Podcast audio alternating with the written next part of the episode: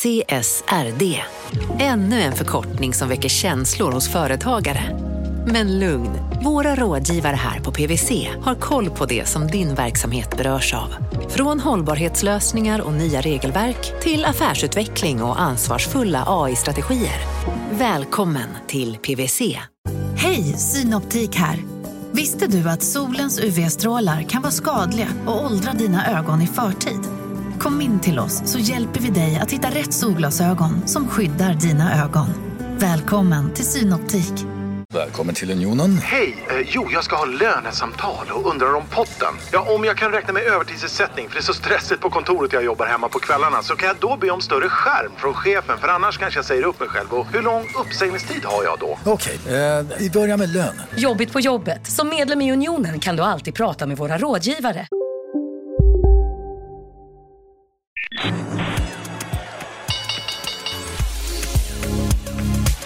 Det här är Affärsvärlden Magasin med Helene Rådstein.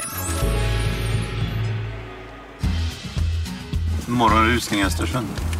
Men det är ganska, ändå ganska mycket. Det, är väl, det har blivit väldigt mycket trafik. Varför? Hej och hjärtligt välkommen till podden Affärsvärlden Magasin där vi varje vecka fördjupar oss i affärsvärldens journalistik. Jag heter Helene Rådstein och idag så är vi på resa. Nej, jag, jag vet inte. Det, ja, dels är det ganska kraftig inflyttning till Östersund men sen nu så här på hösten så åker man mera bilen. Mm. Cykel. Först är vi i Östersund, dit vi kom med nattåget. Och den som har hämtat oss här på stationen det är Knut Rost och han är VD för fastighetsbolaget Diös. Idag så ska han ta med oss runt i Östersund där vi ska titta på vad de gör här egentligen. Och sen så ska vi också ta bilen ner till Sundsvall. Frösön är väldigt populärt. Det var ju inte så himla länge sedan ändå som Frösön var liksom eget, Östersund var eget. Så det finns ju fortfarande en sån där stolthet att vara Frösöbo. Mm. Kanske lite finare att vara Frösöbo. Är det det? Ja, jag tror de tycker det. För att eh, alltså det är mer... Nej, men det handlar inte alltid om unika stadsdelar man tycker. Att bo på Söder eller Vasastan eller så är det lite bättre där just jag bor. Där bor inte jag, jag bor i centrum här uppe. Du bor nära busstorget kommer jag ihåg. Ja, nästan på busstorget. Ja. Och busstorget, för jag minns att Mm. det där skulle man eh, göra om. Ja, Ja. Hur har du? förhoppning, förhoppningsvis. Ja, eh, alltså vi pratade för två år sedan. Jaha, vi har hållit på längre än så. Det, det tar ganska lång tid och speciellt ett sånt, eh, vad ska jag säga, en stor, så stor del av staden som ska göras om. Ett torg, det, det liksom är ju lite heligt och det får man förstå därför att ett torg är ju, det går ju inte att bygga tillbaka till, till ett öppet torg. Därför måste man vara ganska försiktig. Så det tar lite tid. Men det kommer vi titta på från vårt kontor för vi sitter där också. Diös är ett fastighetsbolag som finns i norra Sverige.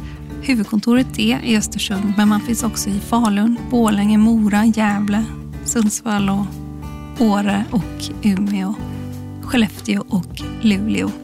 Och eh, de har några kriterier för vilken stad som de ska verka i. Det ska vara en stad som växer och den ska ha mellan 60 000 och 150 000 invånare. Och det ska finnas ett centrum. Och det ska ta 15 minuter till allting man ska göra. Och det får gärna finnas ett universitet eller en högskola och gärna myndighetsetableringar. Och det ska vara bra kommunikationer och det ska, ska finnas ett näringsliv med starka entreprenörer och företag. Och eh, sen något som Knut Rost ofta poängterar så ska det finnas en engagerad och driven kommunledning. Men nu går vi in på huvudkontoret i Östersund. Vi får se att det är lite nytt så här, men det får vi. God morgon! Morning. Ni ser glada ut. Ja. Så där sitter jag. Ja. Så alla, vi har fortfarande så att alla har sin egen plats. För det, det vill alla egentligen. Så där sitter jag. I den mån jag sitter. Vi ser jag en väldigt lugn person som sitter still. Harmonisk kunde jag väl vara. ja. Så Kristina jobbar jag väldigt mycket med och Sandra sköter hela min, mitt liv. Oj. Mitt professionella liv. Och lite av det privata med, för det går ihop. Ja, det är som säger. Sånt här jobb, det jobbar man jobbar, jag jobbar jämt. jämt, jämt. Ja, men det gör vi nästan allihopa. Det, det suddas ut. Det är kul då. Det är kul. Det är kul. Diös vision det är att skapa Sveriges mest inspirerande städer, säger man. Man har 340 fastigheter och fastighetsvärdet är ungefär 27 miljarder kronor. Och den typ av fastigheter man äger mest, nästan hälften eller mer än hälften, 53 procent, är kontor. Och därefter så äger man inom segmentet butik 17 procent, bostäder 8 procent, hotell och restaurang 7 vård och utbildning 6 och sen så äger man 3% industrilokaler och övriga typer av fastigheter är 6 Och eh, nu så ska vi prata om eh, vad Knut Ross tror om kontorens framtid framöver. Här talar han ju förstås i egen sak eftersom de äger så pass mycket kontor. Men vi lyssnar på vad han har att säga. Om vi ska ta det lite grann från början så, var det ju, så har det varit mycket snack under pandemin om hur kommer det se ut i framtiden. Och det är ju egentligen ingen som vet utan eh, man gör undersökningar. Jag var på ett bankmöte förra veckan som säger att vi ska minska våra kontorslokaler med 30 procent tror man.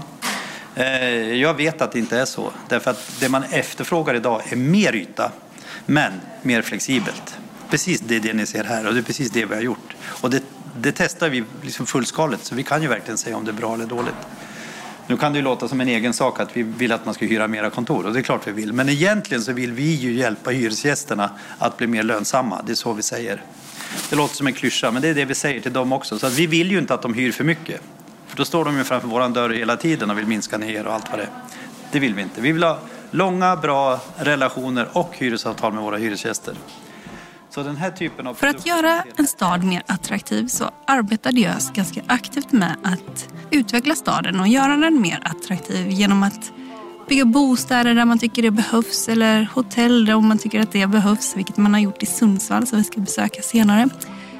Men ibland så kan det också vara känsligt att förändra delar av en stad och ett sådant känsligt kapitel det är just Busstorget. Och det ser man när man blickar ut genom dels Knuts Rost fönster på ena sidan torget och dels också kontoret där vi är just nu. Säg. Det här är Busstorget. Säg. Det här är Busstorget. Och, ja, vi äger allt här. Eh, och eh, vi har då via ett avtal med kommunen köpt torget men vi har inte köpt den därför detaljplanen måste gå igenom. Och det har ju varit enorma protester mot det här. Mm. Och då kan man fråga er då som, in, som inte kommer härifrån. Vad tycker ni att ni ser? Det här ett torg man är stolt över. Det är prostitution, det är knark, det är bilparkering och bussuppställning. Det finns alltså ing, inget att spara här. Så jag förstår inte vad folk ja, men vi, vi, vi, kan inte dras med i, i detta lobb, liksom mot... Nej, nej, du hör ju hur jag är. ja, exakt. Eller hur? ja, fast, förlåt. jag bara, använd inte mig till det Nej, men eh, om vi säger vad vi ser. Vi ser, ja. massa buss, vi ser ja. några bussar. Ja. ja. men det ser lite tråkigt ut, det kan man väl säga. Kallt, det, ja, kallt. Vi ser, eh, det finns en... Eh, Terminalbyggnad en terminalbyggnad och sådär. Och eh, detta vet jag att ni vill göra om. Man vill bygga ett hotell till exempel som är ganska högt va? Nej, det, det man säger så här. Jag har än så länge inte hört någon vettig person som är emot att vi gör något på det här torget. Men det man har varit emot är att vi, att vi ska liksom fullbygga det. Eh, men, men det är ju inte säkert att vi vill bygga så som detaljplanen säger. En, en detaljplan det är ju kommunens, det, det har ju de monopol på. Det är bara kommunen som får, får ta fram en detaljplan. Men då har vi ett avtal som säger vad vi vill göra när detaljplanen vinner laga kraft. Mm. Då har vi ett avtal med kommunen för det är de som äger marken nu. Mm. Så att än så länge har det varit kommunens så att säga, affär att driva igenom detaljplanen. Och nu ligger den för prövning i Mark och miljödomstolen. Och det är väldigt vanligt. Så av ungefär 90 överklaganden mot planen så har det två som var sakägare som får överklaga. Eh, det är ju eh, ganska svårt när man ska bygga nya saker att mm. folk tänker nej men eh, det är bra så som det är nu, det är bra. Mm, eh, vad, du som har arbetat så länge inom... Var, var, varför är det sånt motstånd skulle du säga? Jag tror det är en mänskligt beteende och en mänsklig eh, säga, reaktion på att man vet vad man har men inte vad man får. Mm. Um, och här har du också... Alltså ska man bygga någonting här så får det vara någonting som är i linje med det som står här. Är det någonting som man värnar här och som det också finns ett riksintresse kring så är det utsikt. Men man kan, man kan inte Man kan inte pantsätta utsikten utan det har vi liksom ändå här. Men vi, vi kan inte bygga för högt. Men det är ju tänkt att hotelldelen ska stå här.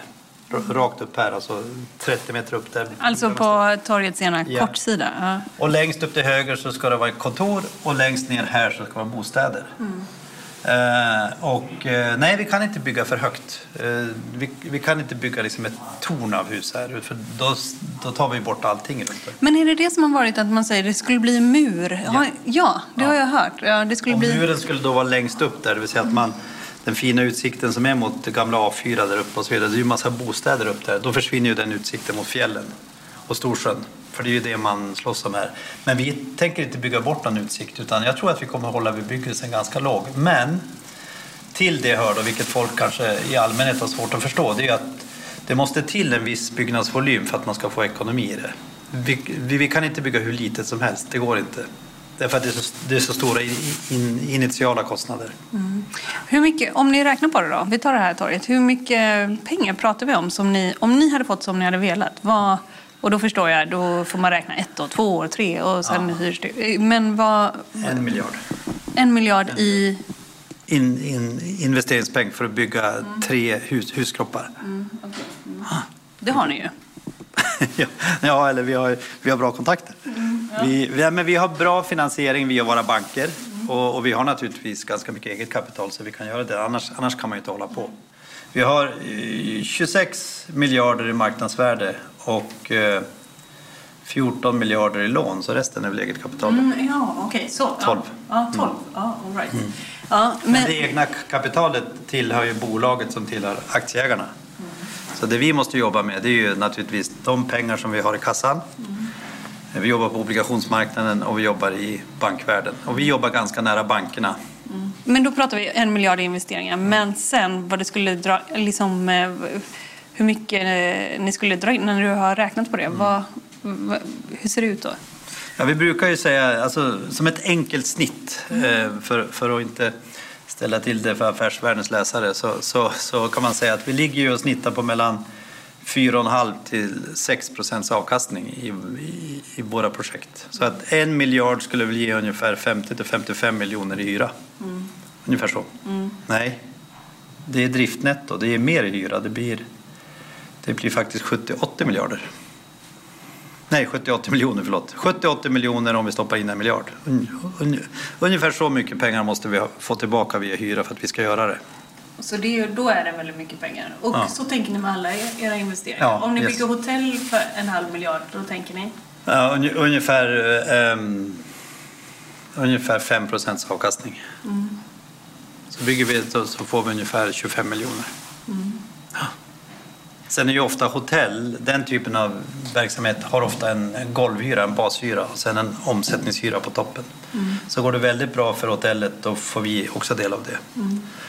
Och går det dåligt och så får vi vår bashyra. Eller går det dåligt, om det går normalt eller lite sämre, då får vi bashyran. Och där har ni flera olika kontakter, eh, operatörer som ni... Ja, alla. Mm, alla Scandic och Choice och... Vi är ju, vi är ju inte några, vi har inte varit några stora hotellbyggare egentligen, utan det är väl först på senare tid. Vi, haft, vi köpte, eh, när jag kom 2014, vi köpte ju ett stort bestånd i Skellefteå där det kom med ett hotell Scandic som går jättebra idag, roligt. Förutom det så har vi haft massa småhotell. Jämteborg såg du, det är ett av dem. Hotell Älgen ligger där också. Men om vi tar det här busstorget, hur många år är det sedan du kom 2014 som ni har hållit på med det här? Ja, jag stod ju där uppe eh, och borstade tänderna. Jag kommer ihåg exakt när det var kvart, kvart i elva en majdag när jag stod och tittade ner. Och då eh, såg jag äldre män, eller män över 40, som pratade med ganska unga tjejer. Och dagen efter så frågade jag på jobbet lite, jag var alldeles ny här då. Och så frågade jag vad det var, det var inte så svårt att lista ut vad det var. Det är knark och prostitution. Och det där gjorde mig väldigt ont eftersom jag har många barn själv och inte minst döttrar. Jag har träffat den ena. Eh, och eh, sen började jag nysta i det där så tänkte jag så här, nej, fan vi måste göra något. Och därifrån till vi idag så har inte jag gjort så mycket utan det är de andra som gör saker. Eh, sen driver jag på det naturligtvis. Det, det blir väl mitt namn på det här till slut. Men, men det har faktiskt varit väldigt kul. Därför det, när man pratar om att folk eh, inte vill ha förändring och så vidare så, så är man ju rädd, rädd för själva förändringen. Eh, men i den tid vi, vi lever nu med digitalisering, och ni vet sig själva hur vi sköter våra fastigheter och så vidare. Så, eh, för några år sedan så hade det här varit helt otänkbart att vi kan läsa hur mycket solel som ges just nu i den fastigheten. Vi kan till och med styra och kan stänga av anläggningarna. Vi kan stänga av ventilationen. Får vi en brand så kan vi stänga av all ventilation härifrån. Um, och, och, det är rätt häftigt hur man via förändring kan utvecklas som både människa och som grupp. Mm. Så, så det här med den här, vi, hade ju, vi har ju haft ett eget, en egen lokal där nere ihop med Östersunds kommun. För att, inte för att påverka folk, som jag försökte göra med er alldeles nyss. Mm. Det, det, det, är typiskt mitt säljtrick. Mm, ja. Eller hur säger jag, så är ni sålda redan. Så, ja. så går jag ut och säger att nej men de sa att. Mm. nej. Eh, för att eh, opinionen så att säga skulle få um, både kräkas ur och, och liksom tycka att det var bra. Mm. Och vi har ju fått ganska mycket tips här. Så att eh, det, vi, jag vet att vi kommer att använda en hel del av det. Mm. In, inte minst för att det är bra för oss att göra det. Därför att det, för vi, vi vill göra någonting bra för staden. Vi vill ju inte bara göra något bra för oss, för det, det blir fel. Mm. Det här ska ju stå i flera hundra år och det är min stad, så jag menar det, det är bra om det blir bra. Mm. Ja. ja, det är det. Och är det någon som påverkas av det här så är det jag som bor där mm. och jobbar här. Mm. Så att eh, det är kul. Sen såg jag också en dag senare tror jag så stod det sju bussar som gick, gick på tomgång. Det var kallt ute, stod och gick på tomgång. Och då tänkte jag varför har man parkering mitt i stan? Då tänkte jag så här, lite skämtsamt, hjulen måste ju nästan smälta på de där bussarna. Men det är ju så, det är ju så hett. Det är ju så, det är, ju så bra mark att bygga på. Men kommer ni få rätt? Kommer ni eh, kunna bygga här och så? Alltså vad tror ja, du? Ja, det tror jag. Ja. Mm. Eller det, jag är ganska säker på det. Men det kan ta lite tid. Ja, okay. Vi har hållit på nu i fyra år tror jag och drivit planen i ett, ett ja, kanske två år. Mm. Och den här planen, om ni tar Stockholm som exempel, jag vet när jag jobbade på ICA, när jag inte med Stockholm jag, det var Uppsala. Den längsta ICA Maxi-etableringen som jag har gjort är 26 år. Nej. Den startade långt före mig. Jag vet nu, för du var tidigare Sverigechef på ICA Fastigheter. Ja. Och, då, och då får man lite perspektiv. I de här städerna som är mera på och som vill saker så är det lättare att få med sig både kommunmedborgare och eh, de som, mm. de som styr rådhuset. Mm, mm. Men det här är ju, du frågade mig vad jag tyckte om det här. Jag tycker det är bra att det finns en demokratisk process. Folk måste... Men det måste du också säga. Det måste nej, vara tycker, väldigt frustrerande. Det, nej, jag tycker också det som medmänniska. Nej, men det som är frustrerande det är inte folks åsikter i allmänhet, för de är ganska lätta att förstå. Folk är praktiska. Det som kan vara svårt, det är när kommunerna själva inte driver fram detaljplanerna fort nog. Mm. För då står vi fastighetsbolag och in, investerare Eh, liksom, vi står och väntar och vi, vi, vet ju att det här kommer igång men det ska ta ett halvår extra, ett år extra och för oss är det jättelång tid.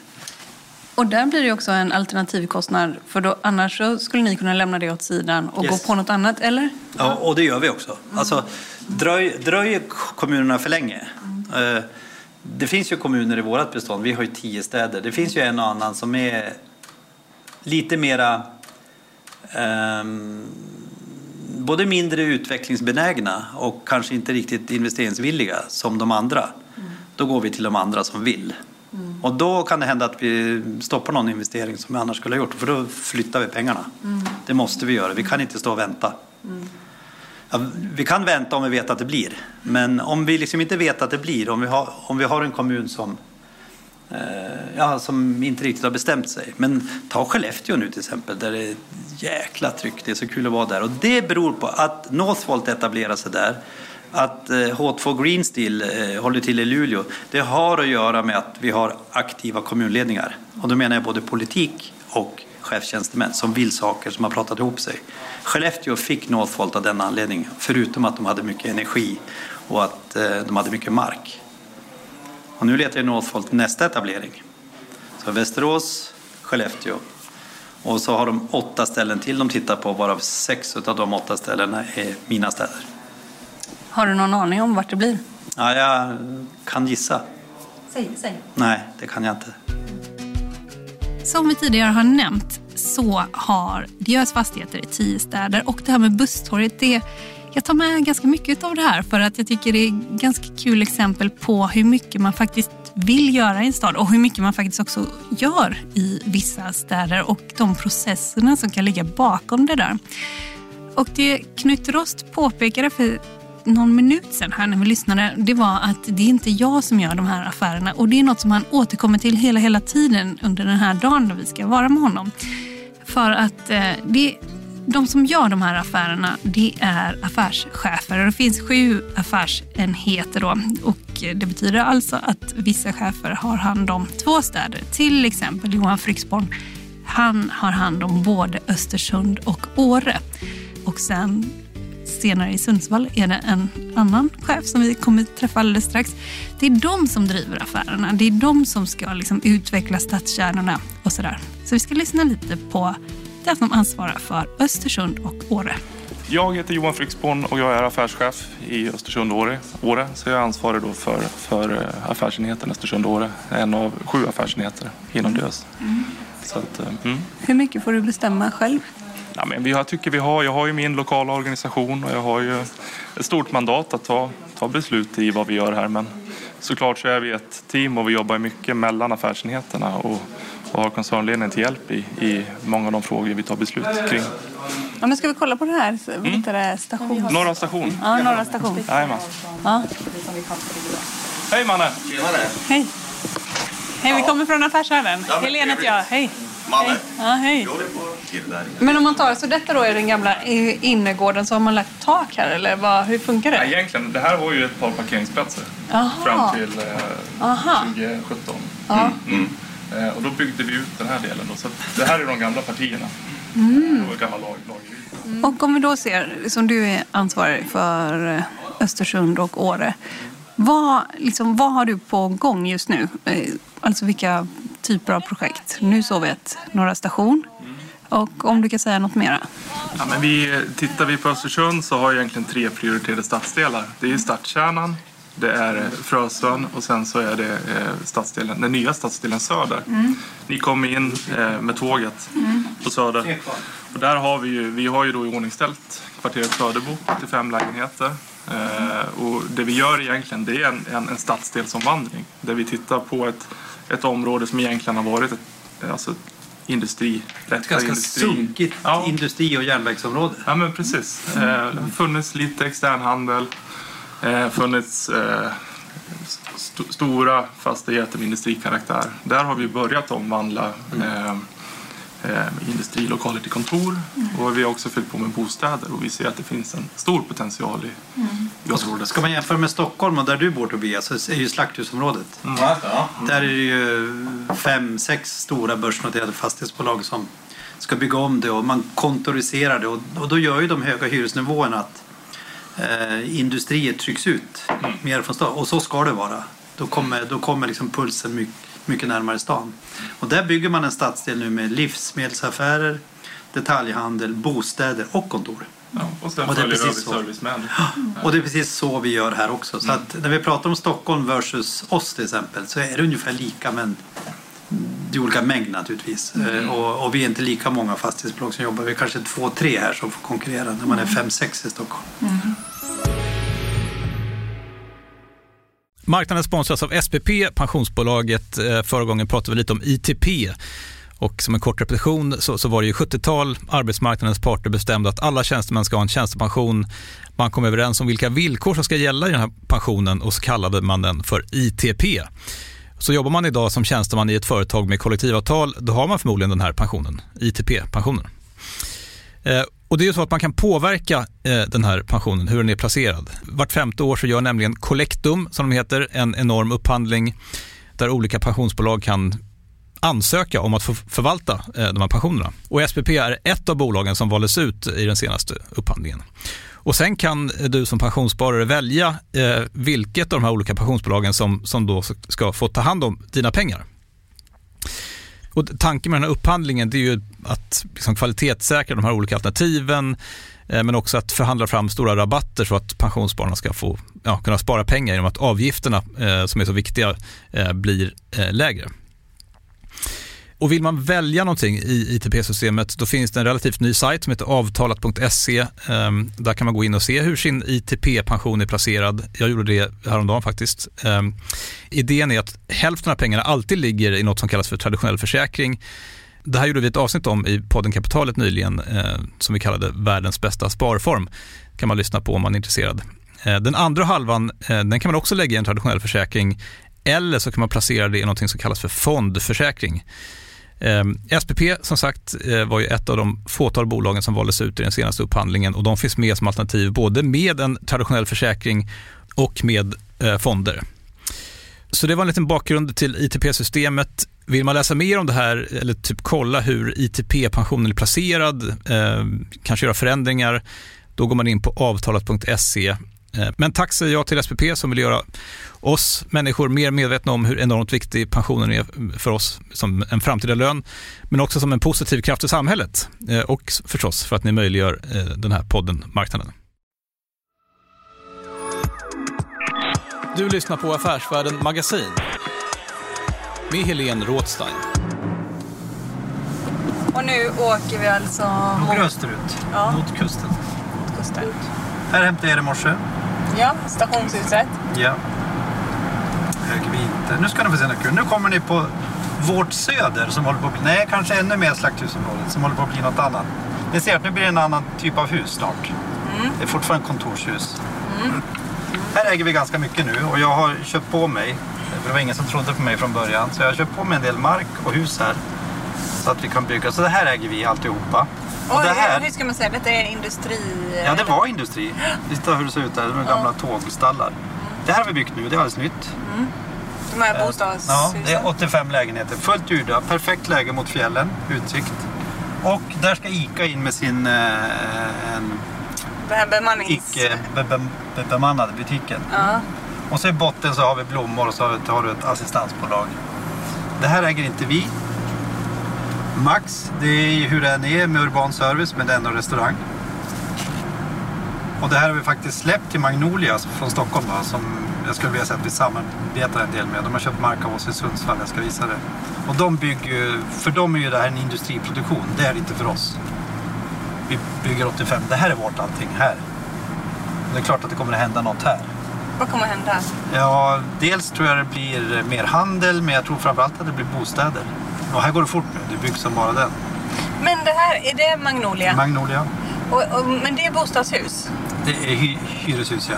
Ja, hyreshus. Var, varför sa du att det är industriproduktion? Jo, nej, alltså du menar så. De bygger det här eh, betydligt effektivare än vad vi gör. Jaha, alltså, de, de har ju en produkt de kör över hela Sverige. Ja, så det går fort? Väldigt effektivt. Så när vi bygger bostäder så bygger vi för den unika platsen. Vi, vi är inte så industriella som de är. Nej, just det. Men ni ser här vad det är för område. Ja, jag fattar. Eh, och eh, liknelsen med slakthusområdet i Stockholm, den är inte helt vansinnig. Nej. Titta här får ni se, här äger vi allting här uppe. Och vad tror ni vi håller på att titta på? Det är, Säg. Och, Ja, bostäder, kontor. Ja, bostäder. In, in, i, inte industri. Det, det trycks ut. Ett till hotell? Nej, inte här. Nej, inte i det här läget. Ska man, ska man ha hotell eh, i stan nu så blir det på Stortorget, eller på Busstorget. Förlåt. Aha. Ja, mm. Det måste vara mitt i stan och, och, nära, och nära tåget. Knut Rost kom till Diös 2014 och då hade han länge varit Sverigechef på ICA Fastigheter. Och när han kom till Diö så hade de nyligen förvärvat Norrvidden och Norrvidden det var ett bolag som var värt mer än Diös vid den tiden. Och eh, på Diö så hade man inte riktigt bestämt sig vilken kultur som skulle råda. Var det Norrviddens kultur och vilken var det i så fall? Eller var det Diös kultur? Och vad var det för affärskultur egentligen? Diös var i sig ganska nystartat. Det grundades 2005 och börsintroducerades något år efter det. Så allt var ganska nytt och Diös var spretigt på många sätt. Ett sätt var att man var väldigt utspritt rent geografiskt. Dessutom så ägde man alla möjliga typer av fastigheter. Man var kanske inte riktigt bra på något. Så vad Knut Rost började med, det var att titta på vilka kriterier som skulle gälla för de orter som man fanns inom. Och då kom man fram till då, som vi tidigare har nämnt här, att det skulle finnas då en eh, högskola eller universitet, det skulle finnas en befolkningsökning och en aktiv kommunledning och näringsliv.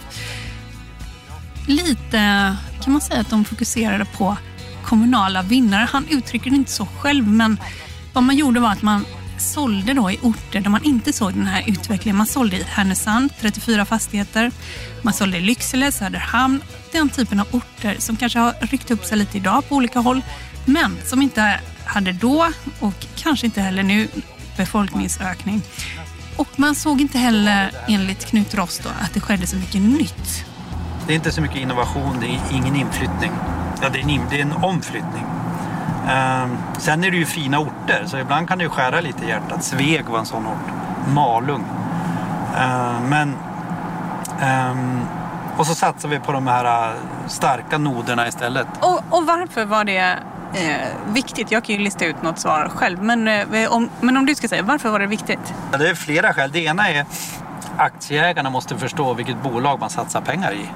Alltså vad är det de gör egentligen? Vad står de för? Mm.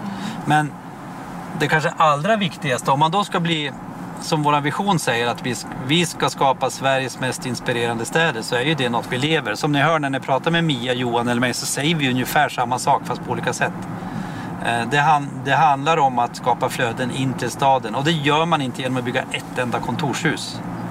Eh, det gör man inte genom att bygga ett bostadshus utan man måste fylla kvarteren med liv dy, dygnet runt. Och allt, allt från då livsmedel till systembolag till café, restaurang, kontor och bostäder. Då får man den här smältdegen som, som vi, vi tycker är en, en eh, bra 15 minuters stad.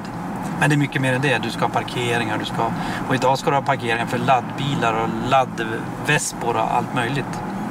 Eh, men, ja, men tillbaka till den här diversifieringen egentligen som var för stor. Geografiskt så identifierar vi det så segmenten, där har vi minskat ner på industrilokaler till exempel, för det är inte vi speciellt bra på. Det finns ju andra som är bättre på det. Och då är det bättre att vi säljer till dem så de får utveckla det, så sysslar vi med det som vi är bra på. Sen har vi viss, vi har viss logistik och viss eh, industri också. Ja, men det kunde man ju se när jag har gjort några affärer med de här MP3-fastigheter, nästan bytt eh, ja. fastigheter med varandra. De som är verksamma inom logistik i norra Sverige. Det var väl fler liksom, paket kan ja. man väl säga? Ja, det har vi gjort. Ja. Då kan man, det är också en form av renodling. Men sen det som jag kanske brinner allra mest för det är ju det är ju det här med affärskultur och, och ledarskapet. Det är ju där vi har gjort de stora förändringarna. Faktiskt ganska tydligt har talat om vilken typ av medarbetare som vi vill ha. Och, och, då kan man säga så jag bryr mig inte om om man kommer från Afrika, Amerika eller Sverige eller var man kommer från. Jag bryr, bryr mig inte om vilken landsdel man kommer från. Huvudsaken man vill göra jobbet. Det är inte säkert att man kan, men man ska vilja. Så jag har sådana här tre ord som jag brukar ha i huvudet jämt. Det är engagemang, vilja och samarbete. Och det är en sån här mantra som har följt mig, genom hel, mig själv genom hela livet i mitt ledarskap. Att möta en människa som bara är på jobbet för att hämta lön, ja men då är det bättre än att jobba någon annanstans. Vi har bytt ut ganska stora delar av bolaget, men, men med stor framgång. Så det här med affärskultur, när jag kom hit då, då var ju då hade man inte riktigt bestämt sig om det var Norrviddens affärskultur som skulle gälla som såg helt annorlunda ut mot det gamla Diös. Och där hade jag tur för jag kom ju både från ICA och jag kom från Castellum. Och att väga ihop det här affärsmässiga i de här två bolagen var egentligen inte så svårt. Men det har tagit lite längre tid än jag trodde. Jag tycker det finns två olika bilder om man ser till era städer. Det ena är att eh, stadskärnan utmanas och eh, på vissa håll liksom, eh, att det blir tomma lokaler helt enkelt och att ni samtidigt är ganska exponerade mot handel. Och det andra är ju storyn om att eh, det också flyttar in, att det behövs väldigt mycket eh, arbetskraft och det flyttar in väldigt mycket ja. folk i, eh, och med de här gröna initiativen ja. som finns, till exempel H2 Green Steel och så vidare. Kan du kommentera båda de två Eh, ja men, jag vet inte, berättelserna eller... Men skulle man följa media, alltså dagsmedia i allmänhet, inte ni, för ni, ni vet ju vad ni skriver om, men ni är mera liksom fokuserade. Men om man följer dagsmedia så är det ju butiksdöden och det är kontorsdöden och folk har inte råd att bo. Nähä. Och hur kommer det sig då att vi kan leva så pass bra och, och, och ändå ha nöjda aktieägare och faktiskt tjäna mera pengar varje år? Um, För då börjar man fokusera lite mer på det så är det ju egentligen utveckling det handlar om. Handeln i Sverige den ökar just nu men den, ö, den, ökar, ju, den ökar ju på nätet naturligtvis. Så, så det är ju inte att när det ökar på nätet så betyder ju inte det att den försvinner från stan eller i externa handelsområden. Men däremot så är den ju utmanad, precis som du säger. Så det som händer då, vi kan ta Luleå som exempel, för det är en sån stad där det sker mycket på handel just nu. Det blir färre handelsytor, men de handelsytor som blir kvar, de blir väldigt attraktiva. Eh, därför att det blir inte så många, det blir ju färre. Och där har vi, ju, har vi haft tre stycken sådana här eh, köpcentra som du sa. Eh, och, nu har vi bara två. Och i, de i, den andra har vi byggt bostäder och kontor, alltså konverterat då till ett annat segment. Och det är så vi gör. Så vi har inte speciellt... Man skulle ju kunna tro att om man pratar butiksstöden och kontorstöden så, så har vi lägre, vi har lägre vakansgrad på kontor än vi någonsin har haft. Och hyrorna stiger. Eh, när det gäller butiker så får vi färre butiksytor men vi får mer bostäder och kontor istället. Och vi får högre hyra kronor per kvadrat. Men om om en modeaffär som Gina Tricot minskar ner från två plan till ett plan Eh, men med något större yta på, på gatuplanet så är det ju så att hyran per kronor per kvadrat är högre. Eh, och det är inte så svårt att förstå att då, då är vi rätt så nöjda ändå. Utan då handlar det mer om hur mycket pengar måste vi stoppa in för att skapa det här. Så det, det är mer en affär, men den kan man ju räkna på. Så nu när vi skriver avtal för butiker så skriver vi på minst samma nivåer som innan, innan corona. Men ofta så hyr man en mindre yta men på lika lång tid. Så det ser faktiskt ganska bra ut. Men du måste vara aktiv för att klara av det här.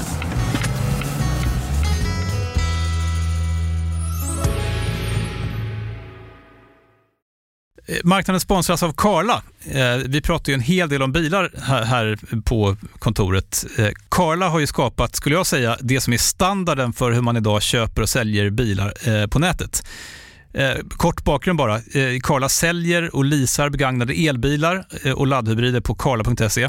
Alltså en helt digital upplevelse.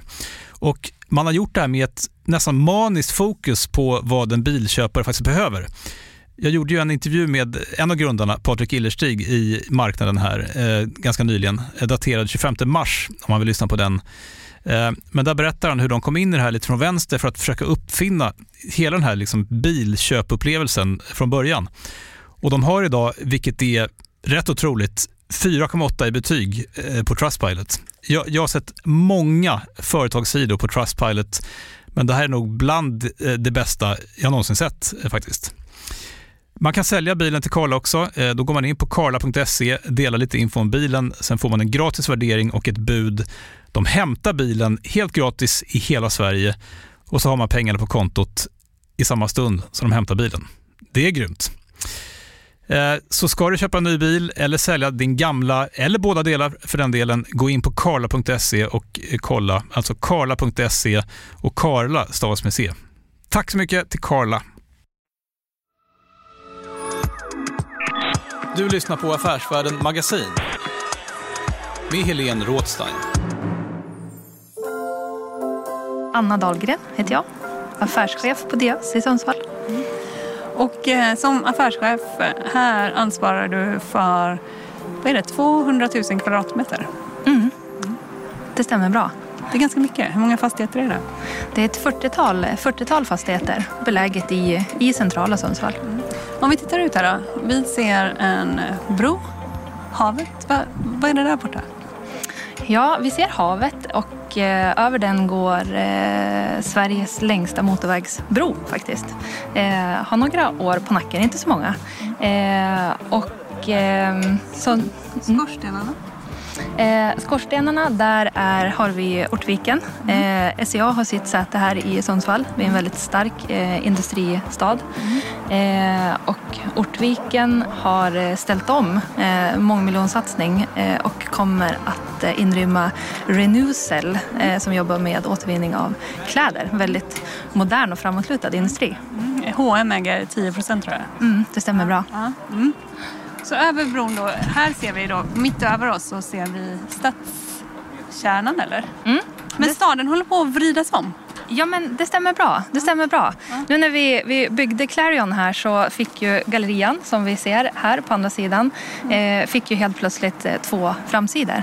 Eh, och den här omställningen och utvecklingen av det här kvarteret har vi jobbat med eh, fokuserat i några år och nu börjar vi se resultatet av det. Om man tittar då rakt fram över centrum så finns det ett stort berg som jag inte hinner besöka idag men jag blir jättesugen på. Vad heter det? Södra Stadsberget? Södra berget, precis. Södra berget. Ja. Eh, och eh, man kan åka skidor och man kan springa va? Eller? Eh, otroligt fina löpspår, äventyrsstigar, höghöjdsbana, längdspår, spår för rullskidor, eh, nytt projekt på G, Dynamo Sundsvall, cykling, downhill, eh, men också en helt central slalombacke. Vilka andra fastighetsbolag ni äger ungefär? Inte riktigt vartannat hus, inte riktigt. Men, men väldigt mycket. Är det någon som är så stor fastighetsägare som ni i stan? Eh, våran största branschkollega är Lilium Fastigheter som, som äger ungefär lika, lika mycket. Sen har vi ett antal, ett antal lite mindre. Och de gjorde någon affär där de blev stora va? Vad gjorde de för någonting? Mm, eh, de förvärvade det som var kvar av Castellum-beståndet när de lämnade Sundsvall. Ja. Eh, där vi också var eh, en stor köpare i första stadiet. Då. Ja, okej. Och så köpte de vidare. Varför köpte ni inte mera? Mm, det får man kanske fråga Knut om. Jag tänker att vi plockade russinen ur kakan. De, de köpte sämre menar du? Nej då, det tror jag inte. Ah, det tror jag inte. Ja, okej. Men det är otroligt viktigt att vi är två drivande fastighetsägare och fler också. Eh, absolut. Amasten är stora här med, eller? Mm. Eh, Amasten, MP3. Ja. Eh, Inom logistik? Ja. Eh, Hedern fastigheter. Eh, Balder växer. Eh, så att vi är... Eh, vi har ett, eh, ett eh, fint fastighetsägarnätverk där jag också är styrelseordförande. Eh, så vi jobbar tillsammans. Men att Balder kommer in mer och mer, va, va, vad säger du om det? Det kan jag inte svara på faktiskt. Nej. Nej. Men du, berätta lite. Det eh, vi har Renewcell här. Hur ser inflyttningen ut och hur ser arbetslösheten ut ungefär i stan? Mm. Eh, det jag vet, vi ligger runt 100 000 invånare eh, och kommunen har ju, är ju tydlig i sin strategi för att få en snabbare takt i eh, tillväxten på antal personer. Eh, tydliga mål i eh, fler centrala bostäder och fler jobbtillfällen. Eh, så vi, vi kraftsamlar och lyfter alla fördelar med Sundsvall för att locka hit större och fler bolag. Mm. Finns det plats att bo för alla som ska flytta hit då? Mm. Eh, det gör det nog nu, eh, men vi bygger för framtiden. Eh, vi tillsammans med Lilium och flera andra tillskapar ju fler bostäder, både genom nybyggnation men också genom konvertering av till exempel kontorsytor. Hur ser handeln ut här i stan? Mm. Eh, vi märker ju som många andra att pandemin har skyndat på utvecklingen väldigt, väldigt mycket. Eh, det finns ett nytt behov av eh, handelsytor eller lokaler för urban service som vi kallar de för. Eh, och i och med omställningen av, av staden och kanske framförallt gallerian så skapar vi fler och bättre butikslägen på markplan men tittar på att konvertera plan 2 till kontorsytor. Hur går det då med det arbetet? Det går bra. Det går jättebra. Eh, vi har ju precis här över gatan så välkomnar vi nu i slutet på oktober, början på november 300 nya medarbetare till eh, Tele2. Eh, som i sin tur skapar ett fantastiskt eh, flöde av människor som ger ringar på vattnet i form av ökad efterfrågan på bostäder men också på urban service.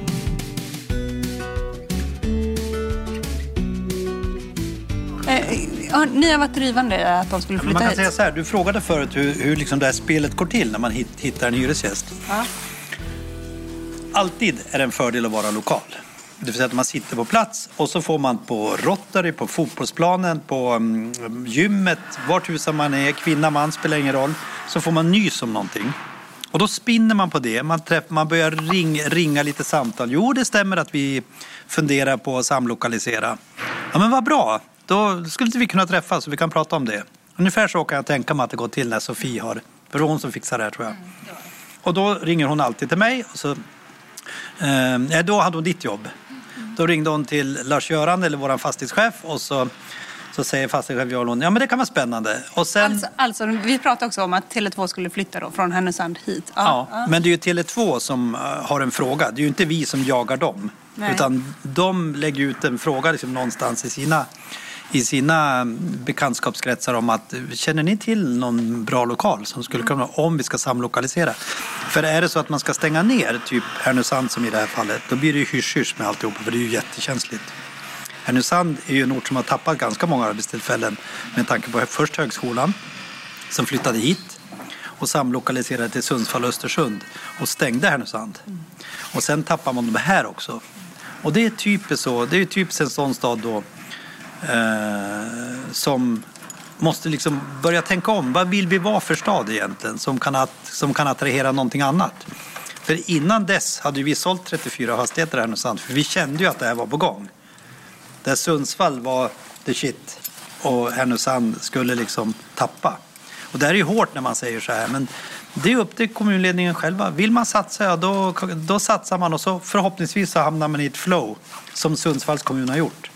Men det är också för att den gamla kommunalrådet Peder Björk och eh, chefstjänstemännen i Sundsvalls kommun, precis som jag har tjatat om hela bilresan, när de pratar ihop sig, då blir de starka. Men jag förstår också, det är ju faktiskt bra att vi får komma hit för att då förstår jag också vad man menar med konvertera. Det är detta som det betyder. Och du som ville prata hyror. Ja. I plan två så kan man säga att här ligger hyrorna låg på mellan 1200 till till 1500 kronor. Mm. Och här går vi upp till 2600 kronor ungefär. Alltså i princip 1000 kronor upp. Eh, Men då måste vi stoppa in pengar. Men det är en väldigt bra affär för oss. Både marknadsvärdemässigt och hyresmässigt. Och, men, hur, och, men, men det är inte gratis nu. Ni har fått renovera ganska, det är omfattande renovering. Ja. Vad, vad kostar den ungefär? Vet du? Eller ja, isolerar ni så? Nej, ja, drygt 100 miljoner. Ja, jag skulle också säga. Ja. Men om du, om du jämför då med Stockholm till exempel, det behöver man inte ta som ett exempel, men de är ett exempel för att man ska förstå affären. Då kanske butikshyrorna har hyror på eh, 10 till 5, 15 000 kronor per kvadratmeter. Stockholms centrum blev ju extremt hårt drabbat i pandemin. Och har man så höga marknadshyror så är det ju svårt att sänka sig till kanske 5-6 000 kronor där som kontorshyrorna ligger på i Stockholm. Vi har ju till och med gått upp med nästan 100 procent. Så det är enk- enklare att göra den här matematiken i våra städer. Vilket är en fördel. Det inte Hur, hur långt är kontraktet på? Eh, Ish, liksom. ja, nej, det är längre än 10 år. Jag Är det längre än 10? Ja. Skriv, skriv mer än 10 år. Jag tror det är 12 år. Ja, okej. Och det är också en förutsättning för att man ska kunna göra sånt här. Mm, ja, Det- för ni kan inte investera i fall. Nej. Och nedanför här då, då kommer det... H&M finns kvar, de har krympt. Eller hur? Ja. Europen såg vi där nere. Europen. Ja. Eh, vi har grekiska kolgrillsbaren eh, och en eh, lokal väldigt duktig optiker i Norbergs optik. Eh, men nu bygger vi, efter, i och med att vi har gjort om, vi har precis skrivit ett nytt avtal med H&M också. Eh, och i och med den här resan så skapar vi ju nya butikslägen eh, som vi nu kommer att släppa när det här är färdigt. Ja, Okej, Tele2 flyttar in här första oktober, eller de har, fått kontrakt. Och färdigt är det när, vid årsskiftet, eller? Eh, vi, kommer, vi kommer att vara, ja det kan man säga. Ja. Det kan man säga. Ja.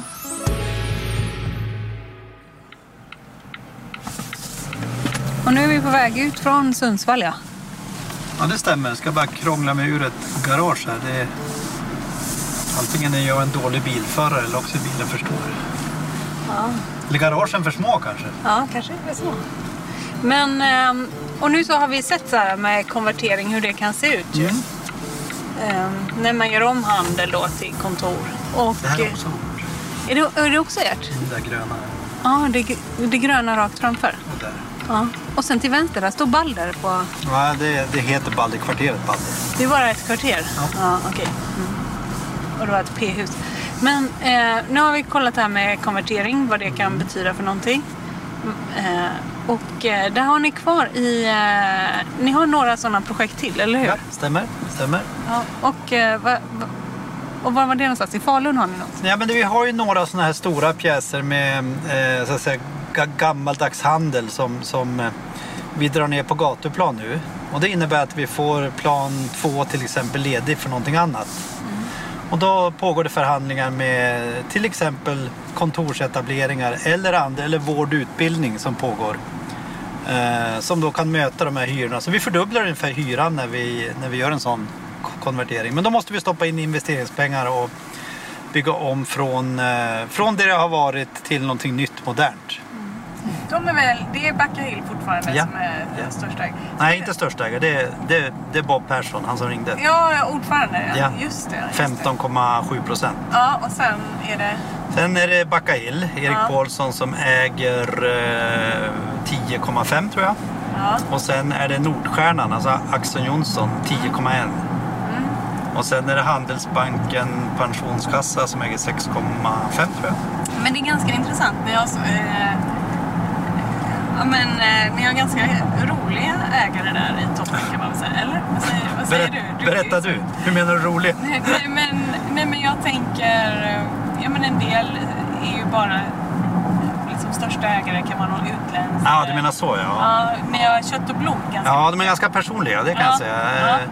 Eh, Roliga kan man säkert uttrycka det som, men eh, de, de är... Inte för dig kanske alltid. Ja, jo, det är jättebra ägare. De är tydliga, de är personliga, det är kött och blod som du säger. Och de är långsiktiga. Det är det viktigaste. Så där vet jag att många av mina börs kompisar är jät- jätteavundsjuka. Som antingen har, liksom, vi brukar kalla det för huvudlösa, huvudlösa ägare. Det vill säga det är inte kött och blod. Utan det kan vara någon fond någonstans. Precis som du säger. Och dessutom flera fonder är efter varann. Och då blir det gärna lite opersonligt och så vidare. Men sen tycker de kanske det att det är en fördel därför att det är ju, det är ju en ägare som inte lägger sig i så mycket. Castellum har ju varit ett sånt bolag. Innan, innan Rutger började köpa in sig så, så var ju det ett ganska huvudlöst ägt bolag. Ja, just det. Märktes det skulle du säga? När Ja det, där? ja, det gjorde det. Ja, nu tänkte jag inte så då. För då, var jag, då hade jag jo, jo, Johans jobb i Västerås. Ja. Så jag kan relatera ganska mycket till det Johan gör. Och det, precis som du sa, det är det skojigaste jobbet. Det, här, det är här jobbet är ju inte... Det här är intressant och det är spännande. Men det är kanske inte roligt jämt. För det, det är väldigt slitsamt. Man jobbar ju jämt. Ja. Eh, Jag kan inte åka och jaga som han gör till exempel. Nej. Är liksom rapportsäsong. Och, Ja. men, men strunt samma, det är, det är väl ett pris man får betala några år. Ja. Eh, Men att ha ägare som är eh, delaktiga, medvetna och vad ska jag säga, engagerade. Jag, tycker jag, jag skulle inte vilja ha det på annat sätt. Jag har vant mig vid det. Så många av de här har jag lärt känna väldigt väl. Så Bob och jag vi ringer varann, varannan dag i snitt. Vad ville han idag till exempel? Eh, idag, de har ägarmöte just nu ut, utan mig så jag är lite nervös. Jaha, nej, nej, det är jag inte. Det, de har ett ägarmöte där de pratar om bolaget. De pratar säkert om mig också och, och ledningen.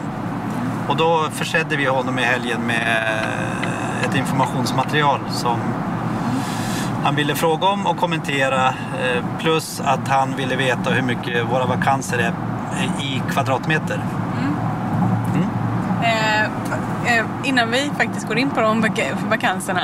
Eh, vad, ehm, du själv äger ju inte så mycket. Jag äger Eh, 17 250 aktier tror jag. ja, och, vad, och vad är det värt ungefär? En, ja, 1,7 miljoner ungefär. Ja. Var, varför äger du inte mera? Nej, jag har inte byggt upp det så. Vi är ju... mm, Alltså, jo, jag skulle naturligtvis vilja äga mer. För när jag kom, då köpte jag aktier. Jag, vi har, jag har inget aktien... Vi är ganska rena. Jag har en bra lön. Men jag, jag, jag har inga aktieincitamentsprogram eller någonting. Vi pratar om det, men vi har inte kommit dit än. Eh, Jag ska nog göra ett lika bra jobb i alla fall. Men det är klart att när jag kom som ny, när jag köpte aktien för eh, runt, runt eh, 35-40 kronor och idag har den varit uppe och studsat på 105 kronor. Det är klart att jag skulle vilja haft mycket mer. Men eh, jag har köpt aktier själv för egna pengar och jag har, jag har aktier i några andra bolag också men jag är inte så intresserad av aktier. Jag är intresserad av att det ska gå bra för Diös. Eh, Va, vad, har du, vad, vad är det för aktier i andra bolag? I andra bolag? Nej, jag har byggt en egen eh, typ Investorportfölj. Det vill säga, jag har byggt en egen portfölj i, ihop med mina barn. Som är också intresserade av aktier, eller som är mer intresserade av aktier än jag. Det kan vara andra fastighetsbolag och det kan vara eh, industribolag, det kan vara bank, det kan vara håll, hållbarhetsbolag har vi några stycken nu. Så det är en ganska omfattande portfölj som inte är så mycket pengar. Men det är kul att göra något ihop med barnen. Och De är betydligt mer intresserade av så att säga, moderna, nybildade bolag än vad jag... Alltså jag hinner inte sätta mig in i som de gör. Men vi, vi har aktier i vindkraft, solenergi och eh, kol, koldioxidbolag, det vill säga sådana som kan åt, återställa koldioxid. Kan man nämna något bolag? Ja, det kan jag väl. Vi, vi har, har Sandvik, vi har Electrolux, vi har eh, vindkraftsbolag som heter OX2. Vi har eh, några andra fastighetsbolag som liknar oss. Jag har eh, Wihlborgs. Jag har, eh, jag, har, jag har SBB. Men det är ju ganska lite pengar. Men det blir ju det är ganska, ganska många aktier. Men eh, heter bolaget något speciellt? Nej, nej, nej. Ni, ni har bara eh, en sån konstruktion? Det är mindre omfattning, men det är kul ändå. För det innebär att man blir mer intresserad av andra bolag. Och jag har ju jättemycket att lära från andra bolag utifrån affärskultur. Eh, och om vi hoppar tillbaks till det då, för där, det tappar vi. Eh, det är det jag brinner för kanske mest idag, därför att jag har så många duktiga affärsmän omkring mig. Annie som jag gick och pratade med som är min transaktionschef, jag har jättemånga köp på gång. Köp av fastigheter och det är precis så här jag vill ha det. Det vill säga folk omkring mig som tar ett jäkla ansvar så att jag kan fortsätta utveckla bolaget. Det är den affärskulturen jag vill ha. Vad är det för köp ni har på gång? Ja, det kan vi tyvärr inte berätta om. Dels för att vi har en tyst period. Vi har kvartalsrapport på fredag. Och sen, man brukar inte prata om sånt, eller man ska inte prata om det innan det är klart. Inte? Men det, det är någonstans i våra tio städer. Så det är inga, det är inga nya marknader Nej. utan vi, vi, vi kan förstärka oss ganska mycket mer på våra marknader som vi finns redan innan vi behöver titta på andra städer. Kan man tolka det så att där, det händer mycket, där kommer ni bra överens med kommunledningen? Där det händer mycket, där kommer alla bra överens med kommunledningen skulle jag säga. Inte bara vi. Alltså man ser man ser ju bolag som, som SBB, man ser bolag som Castellum och så vidare. De finns gärna på ställen ehm, där det finns kommunledningar som är tydliga. Som markerar liksom vad de vill. Eh, och, och, jag menar H2 Green Steel i Luleå och Boden där uppe. De skulle inte kunna vara där om inte kommunen stod där och tog emot dem.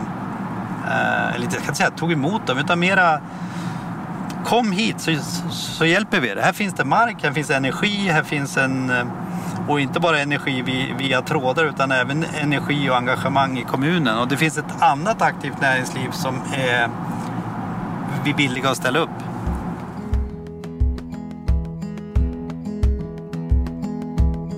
Var närmar vi oss här för någonting? Ja, du kör inte ut ur Sundsvall, du är bara i ena delen på centrum. Du är fortfarande innanför tullarna om man ska prata Stockholmsspråk. Tack. Men det du ser rakt fram är lite utanför tullarna heter Norra kajen. Jaha, Och här byggs det enormt mycket bostäder. ja. Serneke bygger något här. Ja, Serneke är nog säkert bara entreprenör. De var ju entreprenör åt oss på hotellet. Aha. SCAs huvudkontor till höger. Okej. Och Och byggs eh, det. Magnolia, är det Magnolia? Magnolia bygger här. Ja. Det är Mag- jag tror det är Serneke som bygger åt Magnolia. Ja, okej. Och vi skulle se eh, kasinot, det är här eller? Kommer här bort. Du, Ja. det, det dyker upp där nu. Ja, okej. Och där ska man se vad man ska hitta på för någonting framöver? Ja, vi, vi, vi vet ju vad det ska bli, men det är inte officiellt än. Jaha, är det långt kvar tills det blir officiellt? Nej, det hoppas jag inte. För varje dag, vi får ju ingen hyra nu. Nej, okej. Utan Svenska Spel har ju löst ut sig här. Mm. De hade ju ganska många år kvar på sitt kontrakt. Så har de löst ut sig och så. Så nu är det tomt och då kan vi göra precis vad som helst. Men det är ett väldigt vackert hus. Väldigt vackert. Och det är ett av Sundsvalls äldsta hus, hus kanske, eller? Ja, det tror jag. Det var ju, det var ju stationsbyggnad en gång i tiden. Eh, och ehm, två restauranger. eh, Väldigt påkostat där inne. Eh, så att, nej, det blir spännande. Vi ser om vi får till det. Och där är det också liksom digitalisering, att spelandet flyttade online helt enkelt. Ja, plus, plus att, ehm, ja precis, digitaliseringen blev ju en, ganska stark ko- konkurrent här. Med tanke på att man, det kom en pandemi när man inte kunde träffas. Svenska Spel är statligt ägt och väldigt reglerat. Och det, är- det är inte så konstigt då att det kommer en pandemi som gör, det här, som gör att man kan sitta hemma och ha nästan lika eh, och spelar lika mycket. Sen är det klart, det är väl det sociala här också. Jag misstänker att man när man gick hit för att spela en fredagkväll och ha roligt och ta en pilsner så misstänker jag att man ville träffa folk också.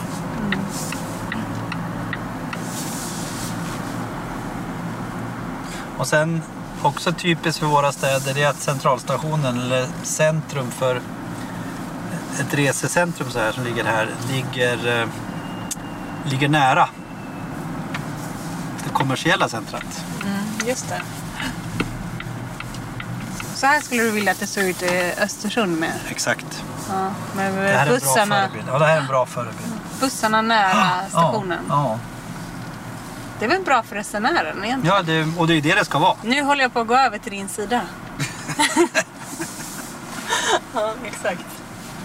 Men jag tycker det är smakfullt. Ja, verkligen. Och det är precis så som du säger, det ska ju vara för den som reser. Mm. För den som bor behöver ju inte det här på samma sätt, man hittar ju ändå. Men för den Ja. som reser så... Tack för idag Knut Rost. Tack själv! Ja, kul att få komma hit. Först Östersund och sen Sundsvall. Tack så mycket. Och massa skog däremellan. Och massa skog däremellan. Lite Bräcke, vad hade vi mer? Ja, ja, du har mer än bräckor och stöd och så vidare. Men det som är intressant med det här med skogen emellan, man kan skratta åt det, men samtidigt ska man tänka på att det är ett stort omland som Sundsvall och Östersund eh, ändå ska möta på något vis. Så när folk åker och handlar så åker de till Sundsvall eller till Östersund. Och det är det vi gillar. Tack. Du har lyssnat på podden Affärsvärlden Magasin med mig, Helene Rådstein, som idag har besökt Knut Rost, VD för fastighetsbolaget Gös. Först i Östersund och senare i Sundsvall. Vi har också träffat Johan Fryxborn som är affärschef i Östersund och Åre och Anna Dahlgren som är affärschef i Sundsvall. Andra röster som hörs är till exempel Manne Mosten som äger Norra station i Östersund. Och sen har vi också någon som klickar och klickar och klickar och det är fotograf Tobias Ols. Och en längre och delvis annan intervju finns på affärsvärlden.se. Och där finns faktiskt också en analys av aktien Diös. Och ni hittar massa mer information på affärsvärlden.se och den här podden den är tillbaka om en vecka. Håll ut!